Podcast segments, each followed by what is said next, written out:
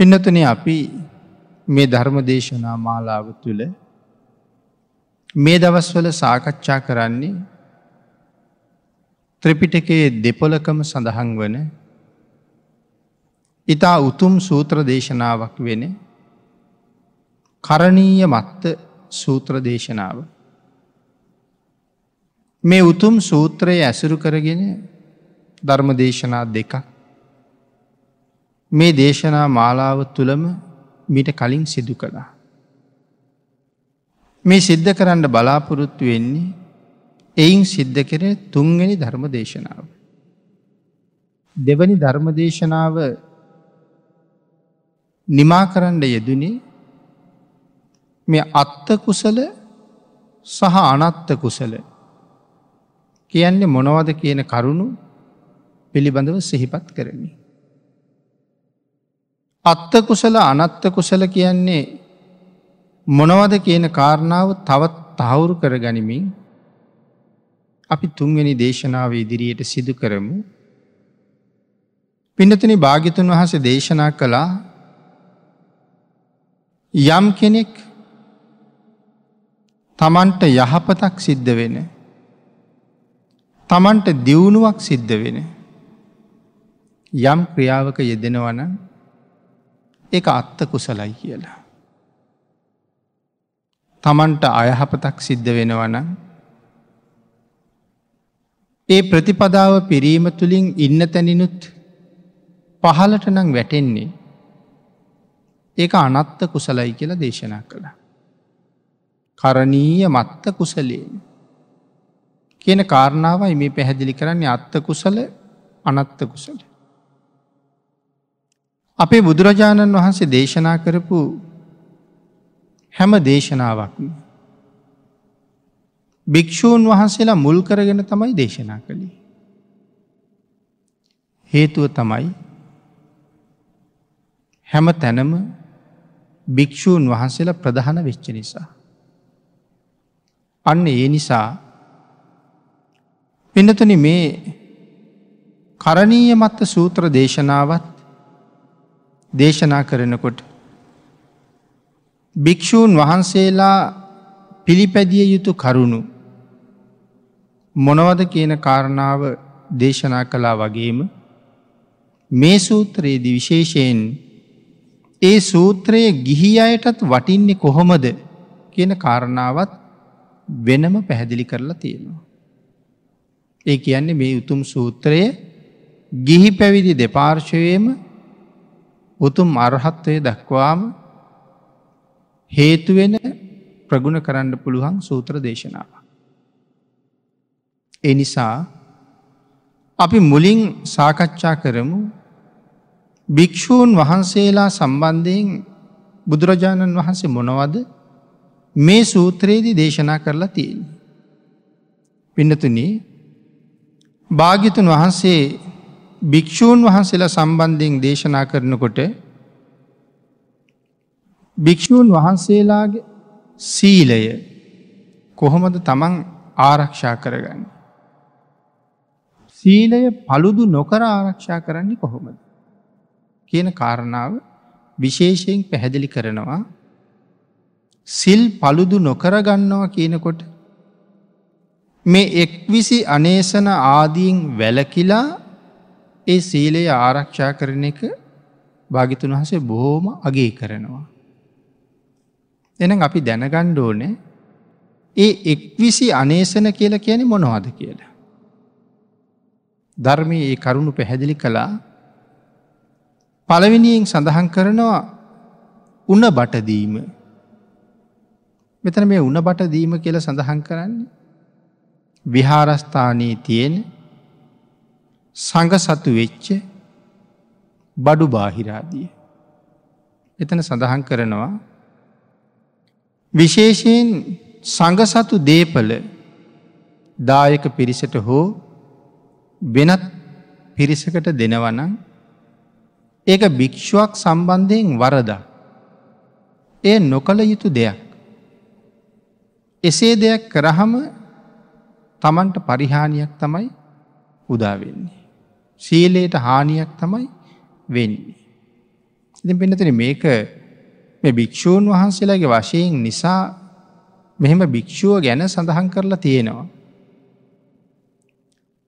නමුත් එහෙම ලබනවනං වෙන කිසියම් ගිහි පාර්ශවයක් ඒ දෙනදේ ලබනවනං ඒ අයටත් ඒකෙන් මහත්ලොකු අනර්ථයක් වෙනවා. පාප මිත්‍රය පිළිබඳව දේශනා කරනකොට ගිහි පාප මිත්‍රයා සහ පැවිදි පාප මිත්‍රයා කියලා දෙගොල්ලක් පිළිබඳව දේශනා කරනවා. ගිහි පාප මිත්‍රයාට වඩා පැවිදි පාපමිත්‍රය හරි භයානකයි කියල සඳහන් කරන. ඒ මෙන්න මේවාගේ කරුණු මත. කෙනෙකුගෙන් ප්‍රසංසාවක් ලබා ගැනීම උදෙසා. කෙනෙකුගේ ගෞරවයට පාත්‍රවීම උදෙසා. මහා සංගරත්නය සතු බඩු බාහිරාදිය ලබා දෙනවනන් එක තමන්ට අයිති නැති වැඩක්. මහා සංඝයා සතු දේවල් එහෙම තනියම තව කෙනෙකුට දෙන්න අවසරයක් නෑ. මහා සංඝයා සතු දෙයක් ගිහි කෙනෙක් ලබාගෙන පරිහරණය කරනවන ඔහුටත් ඒක සතරාපායාදී දුර්ගතියේ වැටෙන්ට හේතුවෙන තරම් බරපතල අකුසලයක් බවට පත්වෙනවා. ආං ඒකයි සඳහන් කළේ හරි භයානකයි කියලා. එළඟට දෙවනියට සඳහන් කරනවා විහාරස්ථානයේ තියෙන කොළවර්ග පැලවර්ග මල්ආදිය දැහැටි දඩුආදිය මුවදෝන පැන් නාන පැන් සුවඳ සුනු කියල මෙතන සඳහන් කරන්නේ සබං වගේ දේවල්. තව පිරිසකට දීම මෙකැන් ගිහි පාර්ශවයකට දීම භික්‍ෂුවකට තහන. ඒක එක්විසි අනේසනයේ තවත් එක කාරණාව. ඊළඟට සඳහන් කරනවා තමන් පහත් කරලා ගිහි අය උසස් කරලා සලකනවන. එක නොකළ යුතු දෙයක්. යමෙක් එහෙම කරනවනං එ කපටිකමක් සට බවක් මායාවක් කියල සඳහන් කරලා තියෙනවා. වැඩි ප්‍රසාදයක් දිනා ගැනීම උදෙසා. තමන්ට වඩා ගිහි අය උසස් කරලා කතා කරනවා. ඊළඟට සඳහන් කරනවා ගිහි අයගේ හිත දිනාගණ්ඩ වුවමනා නිසා.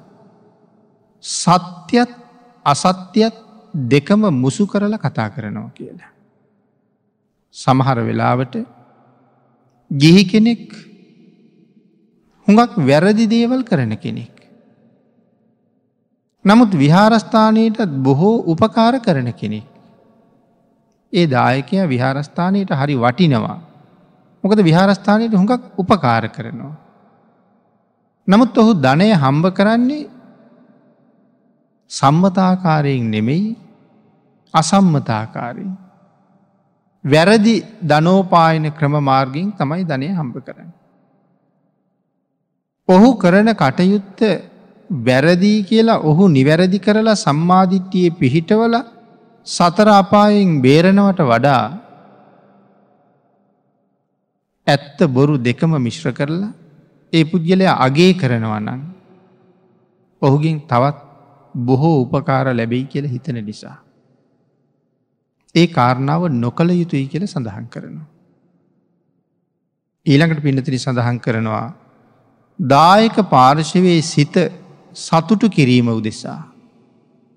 ඒ අයගේ පොඩි දරුවන් නැලවීම සුරතල් කිරීම වගේ දේවල් නොකළ යුතුයි කියලා. ගිහි අයගේ කටයුතුවලට ඒ ඒ තැන්වලට නොයා යුතුයි කියල සඳහන් කරනවා. තමන් හැම වෙලායම සාක්‍යපුත්‍ර ශ්‍රමණ කියන බව දැනගන්ටෝනේ. නිසා ඒ ගිහි අයගේ ඒ ඒ කටයුතුවලට ඒ ඒ පනිවිඩ ගෙනයන්ඩ භික්‍ෂුවට එය සුදුසු නැති කාර්යක් කියල සඳහන් කරනු. දායක පාර්ශවයත් ඒ සමහරලාට මනාව දැනගණ්ඩත් ඕනේ. සාමාන්‍යින් ධර්මයෙන් හුඟක් ඈත නිසා නොදන්න නිසා භික්‍ෂූන් වහන්සේලාටත් යම් යම් පනිවිඩ අහවල් අහවල් තැන්වලට කියන්ඩ. අහවල් ප්‍රදේශයෙන් යනවනං අහවලාට මේ පනිවිඩේ කියාගෙන යන්ඩ. එහෙම පවරණ දායක මහත්තරුත් අපි අතර ඕන තරන් ඉන්නවා. නමුත් ස්වාමීන් වහන්සේ ඒ පනිවිඩේ දුන්න නැත්තං දෙක තමන්ට නුසුදුසු දෙයක් කියල ස්වාමීන් වහසේ දන්නවා මේ පනිවිඩේ ගෙනියන එක. නමුත් පස්සෙ කාලේ දායක මහත්මය දැනගන්නවා මං හාමුදුරුව අතේ ඒවාපු පනිවිඩේ ලැබිල නෑ හාමුදුරුව පනිවිඩේ කියල නෑ. ඊට පස්සේ ඔහු ස්වාමීන් වහසෙත් එක අමනාප වෙනවා. මං මෙච්චර දේවල් කරනවා මෙච්චර සිව්පසයෙන් සලකනවා මේ පනිවිඩේ කියන්න කීවට කියලා ගිහිල්ල නෑනි කියල අමනාපයක් ඇති කරගන්න. එකැන භික්‍ෂුවකට නොකළ යුතු නොකළ හැකි දෙයක් තමන් විසින් පවරලා තියෙනවා. භාගිතුන් වහසගේ ශ්‍රාවකයන්ට වැඩ පැවරීමේ අයිතියක් අපිට නැති බවත් අපි දැනගෙන තියෙන්ඩෝනේ. එක අකුසලයක් රැස්වීමක්. ස්වාමීන් වහන්සේටත් සිල් පළුදුවීමකට හේතුවෙන නිසා. සමහරලාට එක සංසාර ජීවිතය අපිට හරියට බලපානවා. අනුන්ගේ සිල් බිඳින්ඩ කටයුතු කරපු නිසා. කවදහරි සසරින් මිදෙන්ඩ අපි උත්සාහ කළ යුතුමයි පින්නතුනි. යම් දවසක ධ්‍යාන භාවනා වඩන්ඩ පටන්ගත්ත දවසට. අපට ඒ භාවනාව සාර්ථක කරගණ්ඩ දෙන්නේ නැතුව හරියට පලිබෝධ පැමිණෙනවා. ඒ තමයි මේ වගේ දේවල් වල අතුරු ප්‍රතිඵල. ඊළඟට සඳහන් කරනවා වෛද්‍යකර්ම නක්ෂාස්ත්‍ර අන්දවිද්‍යාව මේවාගේ දේවල් අයිති වෙන්නෙත් මෙන්න මේ එක් විසි අනේසනයට මයි කියන. යම් භික්‍ෂූන් වහන්සේ නමක් මේ කටයුතු එකක් දෙකක් හරි තමන්ගේ ජීවිතය තුළ කරනවන එක තමන් සතු උසස් සීලය අපිරිසිදු කරන ක්‍රියාවක්. හැටියට බුදුරජාණන් වහස දේශනා කරනවා. ඊළකට පෙන්නතුන භාගිතන් වහස දේශනා කරනවා අපි වැලකිය යුතු තවත් කරුණු තියෙනවා කියලා. මේ දේවල් නිවනට බාධා කරනවා වගේම අපි වැලකිය යුතු තවත් කරුණු තියෙනවා කියලා පැහැදිලි කළා. එතන සඳහන් කරනවා අපි ළඟ තියෙන යම් ප්‍රතිපදාවකින් අපි ඉන්න තැනින් පහලට වැටෙනවා නම් එක මහත් වූ අනර්ථකාරී දෙයක්. එක මහත් වූ අනර්ථකාරී දෙයක් කියල සඳහන් කරන්නේ ඒ අපිට සංසාරිකව බොහෝම බලපානවා. කෙටි කරගණ්ඩ තියෙන සසර තවත් දික් වෙන වැඩ පිළිවෙලක් බවට පත්වෙනවා. ආං ඒ නිසා මේ එක්විසි අනේසනාදී මේ කටයුතු අනත්ත කුසල කියල හඳුන්වන්නේ. අපි මතක් කලානේ අත්ත කුසල සහ අනත්ත කුසල කියලා දෙකක් තියෙනවා කියලා. මෙවා අනත්ත කුසල අනර්ථයක් තමයි ඒ තුළින් කර. ඊට අමතරව තමයි දේශනා කළේ නොහැසිරිය යුතු තැන් මොනවද. හැසිරිය යුතු තැන් මොනවද කියලා අපි දැනගෙන තියෙන්ඩ ඕන කියලා. නොහැසිරිය යුතු තැන් භික්‍ෂුවක් තමන්ගේ භික්‍ෂුත්වය ආරක්ෂා කර ගැනීම සඳහා නොයායුතු තැන් පිළිබඳව භාගිතුන් වහස දේශනා කරනවා. එනතිරි මේ හැම කරුණක්ම දක්වලා තියෙන්නේ මහා කරුණාව නිසාමයි. සසරින් මුදවන්ඩ ඕන නිසාමයි මේ කරුණු දක්වලා තියෙන. භාගිතුන් වහසගේ කරුණාව අපි කෙරෙහි එදත් අදත් අඩු නැතුවම යොමු වෙලා තියෙනවා. අද භාගිතුන් වහසේ නැහැ කියලා ඒ කරුණාව අපිට යොමු වෙලා නැහැ කියලා කාටවත් කියන්න බෑ. භාගිතුන් වහසේ එදා වගේම අදත් අපිව දකිනවා. එකවි ගිහි පැවිදි දෙපාර්ශවයම. යමෙක් අකුසල් කරනවද යමෙක් කුසල් කරනවද. අද දැන් මේ වෙලාවේ මොනවාගේ සිතුවිල්ලක ඉන්නවද. ඒ කාරණාව පවා බුදුරජාණන් වහසේ දන්නවා. ඒ තමයි සරුවඥතා ඥානය. පින්නතින මේ අපේ හිත් දැනගන්නවා කියන එක සරුවඥතාඥානයේ දුවිලි මාත්‍රයක ප්‍රමාණයක්වත් නෙමෙයි. අද අපේ ජීවිතය ගැනවත් අද අපේ හිත ගැනවත් විතරක් නෙමෙයි බුදුරජාණන් වහන්සේ දන්නේ. මේ එක පුද්ගලයෙක් පුද්ගලයෙක් ගානයේ ඔහු නිවන් දකින දවස දක්වාම ඔහු ගෙන දන්නවා.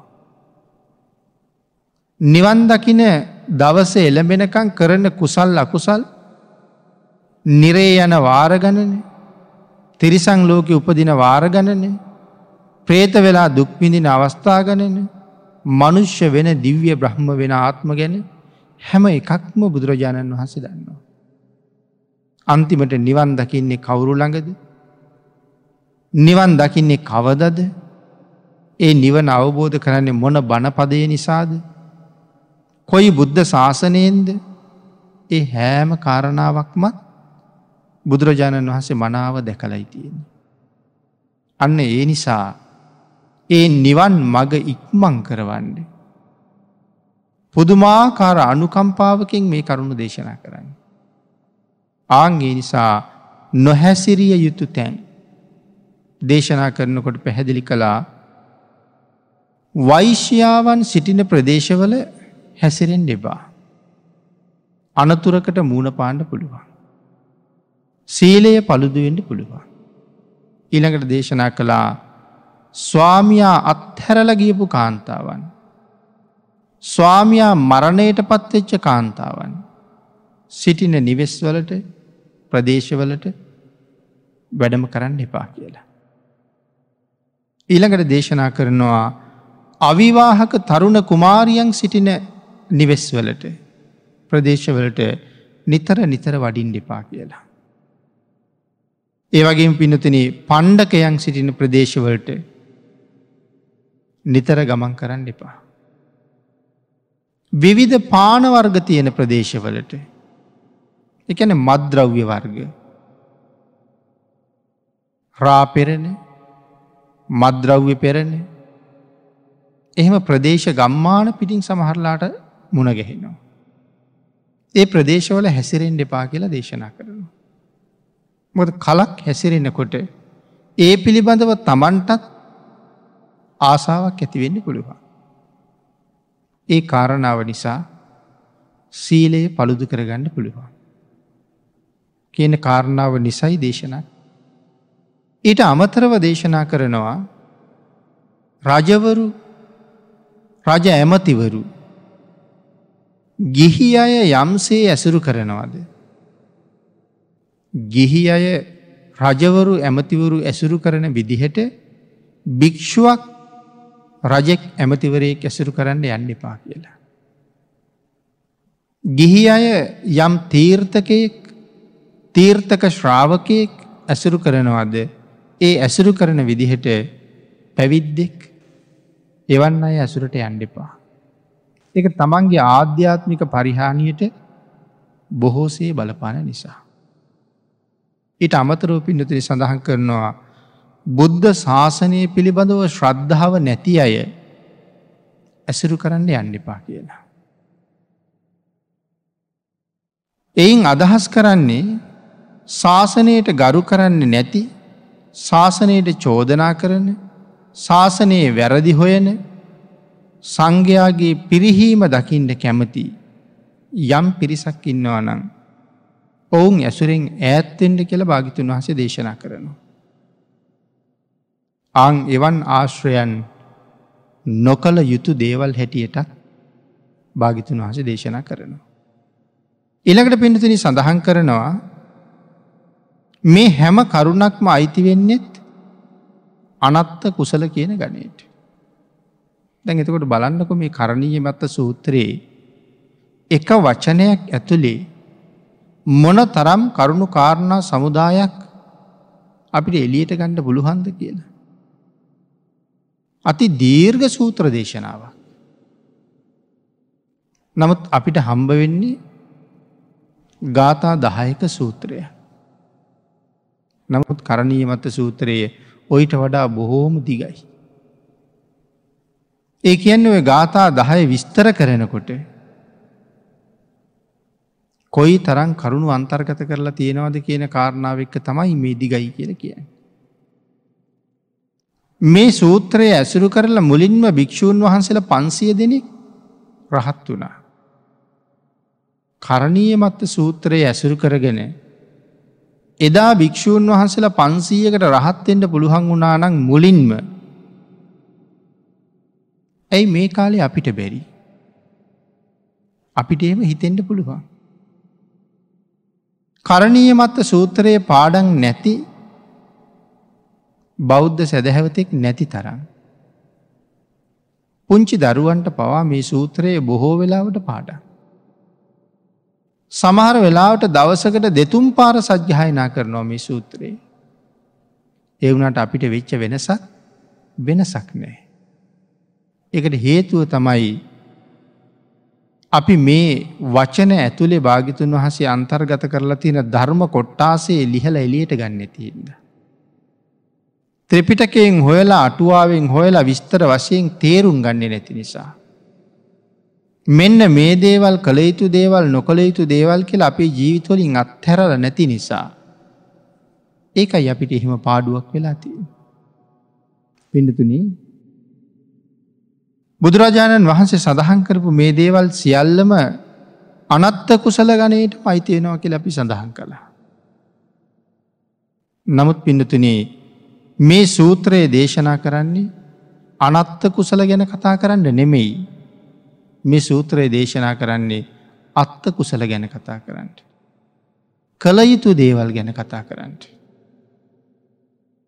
අනත්ත කුසල ගැන කතා කරන්න නෙමෙයි භාගිතුන් වහස මේ කාරණාව පැහැදිලි කරන්න. එහෙම නං අනත්ත කුසල කිරීමේ විපාක ධර්මය බොහෝ තැන්වල සඳහන් කරලා තියෙනවා. එක කොයි තරං භයානකද සතර අපායේ උපද්දවන්ඩ ප්‍රධාන වශයෙන් හේතුවෙනවා. අනත්ත කුසල. පිනතින සතරාපායක ඉපදෙන්ඩ වුණොත් මේ යම් සිද්ධියක් නිසා. සුළු කාරණාවක් වෙන්න පුළුවන්. නමුත් නැවත මනුස්ස ජීවිතය කොයි කාලෙක ලැබෙයි දෙහෙමුණු. මේ මනුස්ස ජීවිතයේ වටිනාකම බුදු දහමට අනුව හරියටම තේරුම් ගණ්ඩෝනි. මේක නිකම්ම ලැබුණ ජීවිතයක් නෙමෙයි. පෙර සංසාරයේ බොහෝසේ දන්දීලා. විශේෂයෙන් බොහෝසේ සිල් රැකලා ලබාගත්ත ජීවිත මේ තියෙන්නේ. නිතර නිතර බණහන නිසා ඔබ හොඳට දන්නවා මැරුණගෙන් පස්සේ අපි ආයතැනක අනිවාරයෙන් උපදින බව අපි හොඳටම දන්නවා. උපදින්ට තැන් හුඟක් තියෙනවා. සතර අපාය තියෙනවා මනුස්සලෝකෙ තියෙනවා ඊළඟට දිවියලෝක බ්‍රහ්මලෝක මේ වගේ අපිට උපදින්ට තැන් හුඟක් තියෙනවා. මේ තැන්වලින් මැරුණ කෙනා කොතන හරි උපදිනවා. හැබැයි මනුලව දෙව්ලව බඹලොවවාගේ තැනක උපදින්ටන අපි ගව විශේෂයෙන් සිල් තියෙන්ඩෝනේ. බඹලොව උපදින්ටනං ඊටත් එහා යන්ඩෝනේ. දෙව්ලොව මනුලොව උපදින්ද සීලය හරි වටිනවා. උපදින තැන තීරණය කරන්නේ සීලය ජීවත් වෙලා ඉන්න අපිට මේ ජීවිතෙන් පස්සෙත් සුගතියක උපදින්ඩ ඕන නං. අපට සීලය ආරක්ෂා කර ගණ්ඩම වෙනවා. ඉතාම පහළම මට්ටමෙන් භාගිතුන් වහන්සේ සිල්පද පහක් ගැන දේශනා කළා. අපිට මේ සූත්‍රයේ ඉස්සරහට කතා කරන්න ලැබෙනවා සක්කෝ කියල වචනය. ඒ සක්කෝ කියලගෙන දක්ෂ බව එමනම් මේ සිල්පද පහ ආරක්ෂා කරන්නත් අපි ළඟ හොඳ දක්ෂ බවක් තියෙන්ට ඕනේ. දක්ෂයකුට ඒක කරන්න පුළුවන්. බුදුරජාණන් වහන්සේගේ ධර්මයට අනුව ලෝකයේ හැබෑ දක්ෂයෝ කියල කියන්නේ සිල් ආරක්ෂා කරන අයට. දක්ෂකං ගොඩක් ගැන අපි කතා කරනවා. නමුත් අනික් හැම දක්ෂතාවයක් ගැනම හිතල බලන්ට. ඒ දක්ෂතාවයෙන් අපිට නිරයෙන් විදෙන්ට බෑනේ. විභාගයක් පාස් කරන්න පුළුවන්. රැකියාවක් කරගණ්ඩ පුළුවන්. ඒ තුළින් දියුණුවෙන්ට පුළුවන්. එවුනට නිරයෙන් විදෙන්ට බෑ. නිරයෙන් විදෙන්ට නම් මෙන්න මේ සීලය ආරක්ෂා කරගණ්ඩ දක්ෂ බවක් තියෙන්ටවනේ. නමුත් සමාජ වැඩි කෙනෙ බාහිර ශිල්ප ශාස්ත්‍ර සහ බාහිර කටයුතු සම්බන්ධයෙන් හරි දක්ෂයි. එවනට නිරේෙන් විදෙන්ට දක්ෂණය. ඕන තරන් ලැජ්ජාව බය නැතුව සිල් බිඳ ගන්නවා. මෙතන අගේ කරන්න ඒ කාරණාවඩිමි. එනම් අපි දක්ෂ වෙන්ඩෝනේ. උපදින තැන සීලයෙන් තීරණය කරනවා හොඳ තැනක උපදින්ඩ ඕන්නම් ඒ සීලය ආරක්ෂා කරන්න වටිනවා. ඒ ඉපදුන තැන බවබෝග සම්පත්වල අඩුවක් නොවෙන්ඩ නම් හොඳට ධන සම්පත් ලැබෙන්ඩ නම් අපි දන්දීල තියෙන්ඩෝනේ. අපිට හොඳ පරිවාර සම්පත්තියකුත් ඕනෙන ඇසුරු කරන්න සත්පුරුෂ පිරිසක් හදාගණ්ඩ ඕන්න. අපි පින්කං කරනකොට තව පිරිස් සම්බන්ධ කරගෙන ඒ අයත් දායක කරගෙන පින්කං කරන්න ඕන. එතකොට බවබෝග සම්පත් ලැබෙනවා වගේම පරිවාර සම්පත්තියත් ලැබෙනවා. නැත්තං සමහර කෙනෙක් සමාජය වැඩ කරන්න ගියහම ඒ පුද්ගිලට හොඳට මුදල් තියෙනවා. පින්නතනය මුදල් තිබුණ පලියට හැම වැඩක්ම කරන්න බෑ. පිරිසක් අවශ්‍යයි. නමුත් මුදල් තියෙනවා පිරිසක් නෑ. එහින්ද අසරණ වෙනවා. කවුරුවත් එන්න නෑකීවට. ඒ සංසාරි පරිවාර සම්පත්තිය ලබන්ඩ පුළුවන් විදිහට පින් කරලා නැති හින්ද. මේවාගේ කරුණු රාශියක් මේත් එක්ක සාකච්ඡා කරන්න පුළුවන්. එහෙමනං පින්නතුනී භාගිතුන් වහස දේශනා කරනවා මේ අනත්ත කුසලවල යෙදුනොත් ඒක සසර බොහෝ අනර්ථකාරී වෙන්ඩ පුළුවන්. භික්‍ෂූන් වහන්සේ නමක් නං සමහර වෙලාවට ශ්‍රමණ යකෙක් වෙන්නත් පුළුවන් කියල සඳහන් කළා. යක්ෂයෝ වෙලා ඉපදෙනවා. නමුත් ශ්‍රමණය ඔය ධර්මය බොහෝ තැන්වල හම්බ වෙනවා. ශ්‍රමණ ප්‍රේතයෝ ඉන්නවා.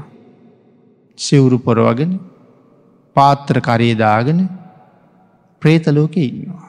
ඒ සිවුරු ගිනි අරගෙන තියෙන්නේ. යකඩ වගේ ව ගිනි අරන්තියෙන්නේ. ඒ පාත්‍ර ගිනි අරංතියෙන්නේ. එයින් පිච්චි පිච්චි මේ ප්‍රේතයා එහෙමේ යනවා. ශ්‍රමණ ප්‍රේතියෝ. ඉළඟට ශ්‍රමණ යක්කු අනන්ත දුක් පිඳිනවා. මෙන්න මේ අනත්ත කුසල කිරීමේ විපාක හැටියට. ඊළඟට දේශනා කරනවා මේක ගිහි කෙනෙක්ගේ හැටියට කොහොමද කියලා දැන්ඔය කතා කළේ පැවිදි කෙනෙකුගේ හැටියට. ගිහි කෙනෙක්ගේ හැටියට සඳහන් කරනකොට තමන්ට තම ජීවිතය ජීවිතය පවත්වන්ඩ යොදන ජීවන උපාය පිළිබඳව තියෙන නුසුදුසු දේවල් මොනවද කියලා අවබෝධ කරගන්න හැකියාවක් තියෙන්ඩුවනේ. මම ජීවත්වීම උදෙසා මේ දේවල් කළ යුතුයි මේ දේවල් නොකළ යුතුයි කියලා බෙංකරගණ්ඩ පුළුවන් හැකියාවක් තියෙන්ටුවන මේක සුදුසුයි මේක නුසුදුසුයි කියලා. ඒ අතර සඳහන් කරනවා මිච්චා වාචා මිච්චා කම්මන්ත මේ දේවල් කරනවනං. මේ දෙකම අයිති වෙනව කියලා මිච්චා ආජීව කියන ගන්නට. මොනවට එතකොට මිච්චා වාචා කියල කියන්නේ. මුසාවාදා පරුසාවාචා පිසුනාවාචා සම්පප්පලාපා. මිච්චා වාචා. පිනතින හිතන්නක ජීවිතයක් පවත්වන්ඩ කෙනෙක් මේ දේවල් කොච්චර කරනවද කියලා. ජීවිතය පැවැත්වීම උදෙසා. අපි කොයි තරම් බොරු කියනවාද ජීවිතය පවත්වන්ට. සමහර වෙලාවට සත පණහකට රුපියලකට රුපියල් පහකට දහයකට බොරු කියන අය අපි අතර කොච්චර ඉන්නවාද. රුපියල් දහයක ලාභයක් හොයලා බොරුවක් කියලා ඒ ලාබෙන් අඩුම තරමේ බුලත් පිටක්වත් ගණ්ඩ බෑ කියලා අපි දන්නවා. රුපියල් දහයක ලාභයක් හොයලා. නමුත් ඒ තරමටවත් වටින්නේ නැති ලාභයක් වෙනුවෙන් අපි නිරේ දොර ඇරගන්නවා.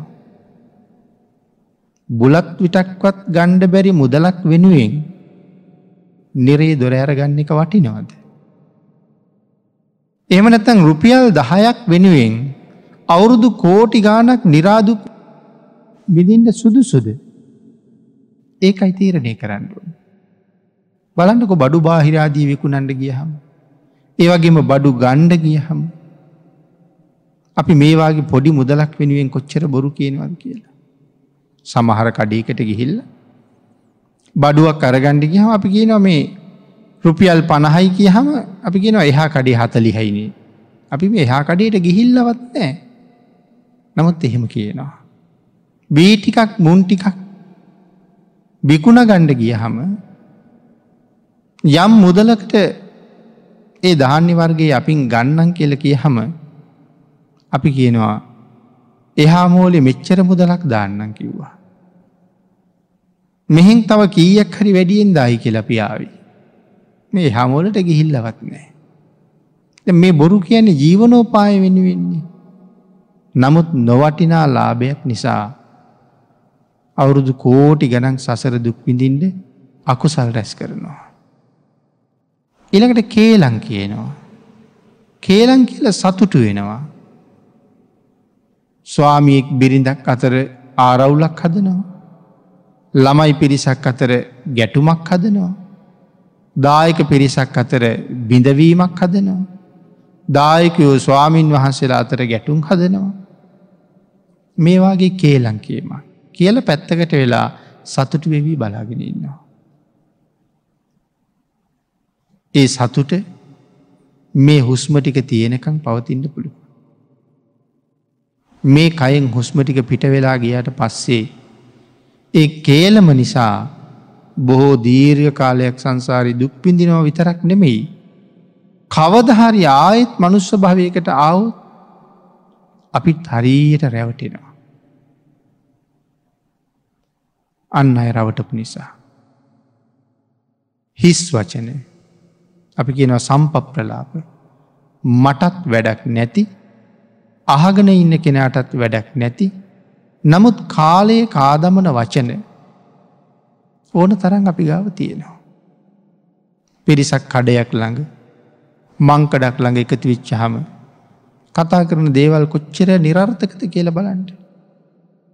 එහෙම නිරර්ථකව ගත කරන්න කාලයක් අපිට තියෙනවද. අපි කිම හරියටම දන්නවා අපි අවුරුදු හැත්තෑවක් ජීවත්වෙනවා කියලා. එහෙම දන්නවන හදල බලන්ඩකු අවුරුදු හැත්තෑවක් ඇතුළේ දවස් කීයද තියෙන්නේ කියලා. ඉළඟට පැයකීයද තියෙන්නේ කියලා.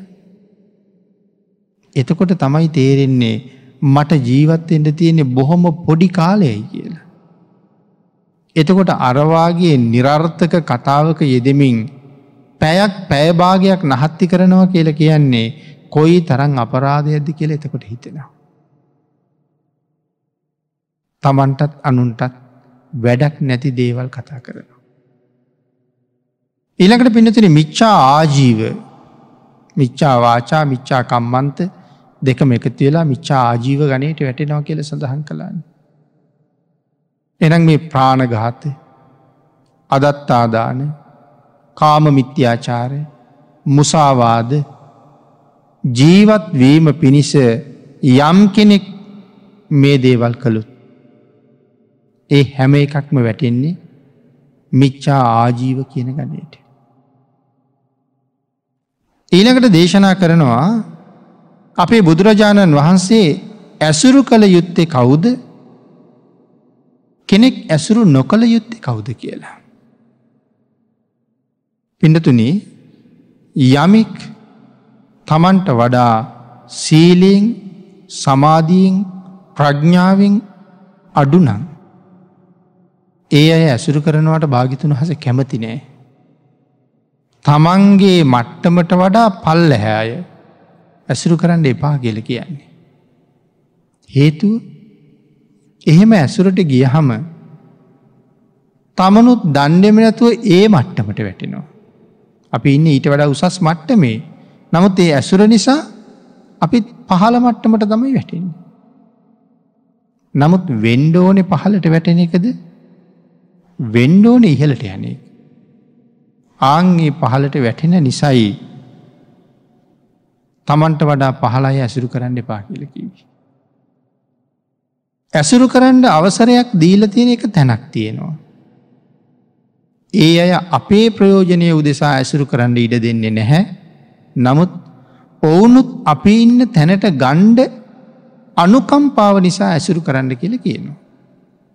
එතොට මොකට දේ ඇසුරු කරන්නේ අපිට ලාභ ප්‍රයෝජන උදෙසා නෙමෙයි ඔහුට අනුකම්පා කරන්න ඕනේ.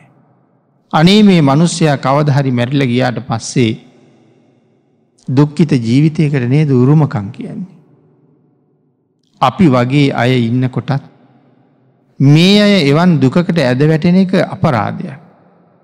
එනිසා ඔවුන්ට කරුණු කියල දෙන්න ඕනේ.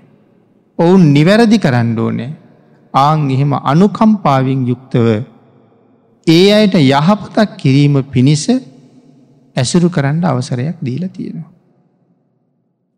එහෙම නැතුව අපි හැමදාම බුද්ධ වන්දනාව කරනකොට ඉමිනා පුං්ඥ කම්මේන මා මේ බාල සමාගමු. සතන් සමාගමෝ හෝතු යාව නිබ්බාන පත්තිය. අපි ප්‍රාර්ථනා කරනවන්නේ. මේ මම සිදු කරගත්ත කුසල බලයෙන් ඉමිනා පුං්ඥකම්මේන. මා මේ බාල සමාගමෝ මට කවදාවත් බාලයන්ගේ ඇසුරත් නොලබේවා. සතන් සමාගමෝ හෝතු සත්පුරුෂයන්ගේ ඇසුරම වේවා කියලබි ප්‍රාර්ථනා කරනු. නමුත් එතනින් එලියට ආවට පස්සේ ආපහු ඇසුරු කරන්නේ බාලයෝම නං ප්‍රාර්ථනාවෙන් විතරක් කවදාවත් අපිට මේ යහපතට යන්ඩ බැරුව යනවා. ක්‍රියාවෙනුත් ඒක එසේම වෙන්ඩ ඕන නිසයි බාලයෝ ඇසුරු කරන්න කිවේ ඔවුන්ට අනුකම්පාව පිණිස විතර. ඔවුන් නිරයෙන් මිදවීම උදෙසා විතරක් ඇසුරු කරන්න කියලා දේශනා කළා. ඊළඟට පින්නතුනේ තමන්ට සමාන සීලයක් සමාධයක් ප්‍රඥාවක් තියෙන පුද්ගලයෙක් නං ආශ්‍රය කරන්න අවසරයක් තියෙනවා. තමන්ට සමානනං විතර.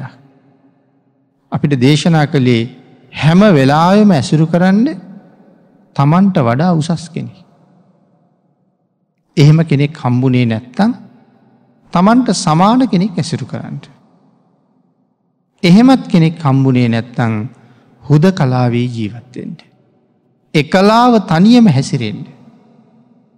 තමන්ට වඩා පල්ල හැකෙනෙක් මොනම හේතුවකටවත් ඇසුරු කරන්න එපා කියනවා. මේ සසර කෙරවල කරගන්න බලාපොරොත්තු වෙනවන. සතර අපායෙන් මිදෙන්ට බලාපොරොත්තු වෙනවන. නමුත් තමන්ට වඩා උසස් කෙනෙක් ඇසුරු කරනකොට දේශනා කරනවා ඔහු අපිව පන්න ගණ්ඩ පුළුවන්. අපි එලවන්ඩ පුළුවන්. ඒත් කමක් නෑ ආපහු එතෙන්ට යන්ඩ කියලා. එලෙව්වත් යන්ඩ. මොකද කොයි වෙලාවක හරි මට යහපතක් කරනවා මිසක් අයහපතක් කරන්නේ. ඒහින්ද යන්ඩ කියල කියනවා. ඒ විතරක් නෙමේ ඔවුන් මුදුනින් පිළිගණ්ඩ කියල කියනවා. තමන්ට වඩා උසස් අය මුදුනෙන් පිළිගණ්ඩ කියල කියනවා. මුදුනෙන් පිළිගන්නවා කියල කියන්නේ. වන්දනාමාන කරන්න ඕනේ. ගරු සත්කාර කරන්න ඕනේ. ඇපෝපස්ථාන කරන්න ඕනේ. බුදුනෙන් පිළිගන්නවා කියල කියන්නේ එකයි. එහෙම වුණොත් අපිට යහපතක් වෙනවා කවදහරි. මේ අත්ත කුසල අනත්ත කුසල කළ යුතු දේ නොකළ යුතු දේ භාගිතුන් වහස මේ විදිහට තව දිගට විස්තර කරනවා. කරණීය මත්ත කුසලේන. පිනතන දැන් මේ සූත්‍ර දේශනාව ඇසුරින් මේ දේශනාවත් එක ධර්ම දේශනා තුනක් සිද්ධ කළා. නමුත් තවම බැරි වුණා පළවෙනි ගාථාව ඉවර කරන්න. එතකොට හිතන්ඩ මේ දේශනාව ඇතුළේ මොන තරං ධර්ම සාගරයක් අන්තර්ගතද කියලා. අන්න ඒ කරුණු ඒ විදිහට අපේ ජීවිතයට ගලපවන්නේ නැති නිසා තමයි මේ සූත්‍රය ඇසුරු කරගෙන අපිට සසරින් මිදෙන්ට බැරි. මේ කරුණු හොයාගෙන වැලකිය යුත්තෙන් වැලකිලා කළ යුත්තේ නිරත වෙලා අත්ත කුසල අනත්ත කුසල දැනගෙන මනාව ජීවිතයේ යහපත් පැත්තට පෝෂණය කරන්න භාගිතුන් වහස අවවාද කරන්න. එමනම් පිඩතුන අපි ධර්ම දේශනාව මෙතනින් නිමා කරපු කාලයේ නිමා වෙලා තියෙන නිසා.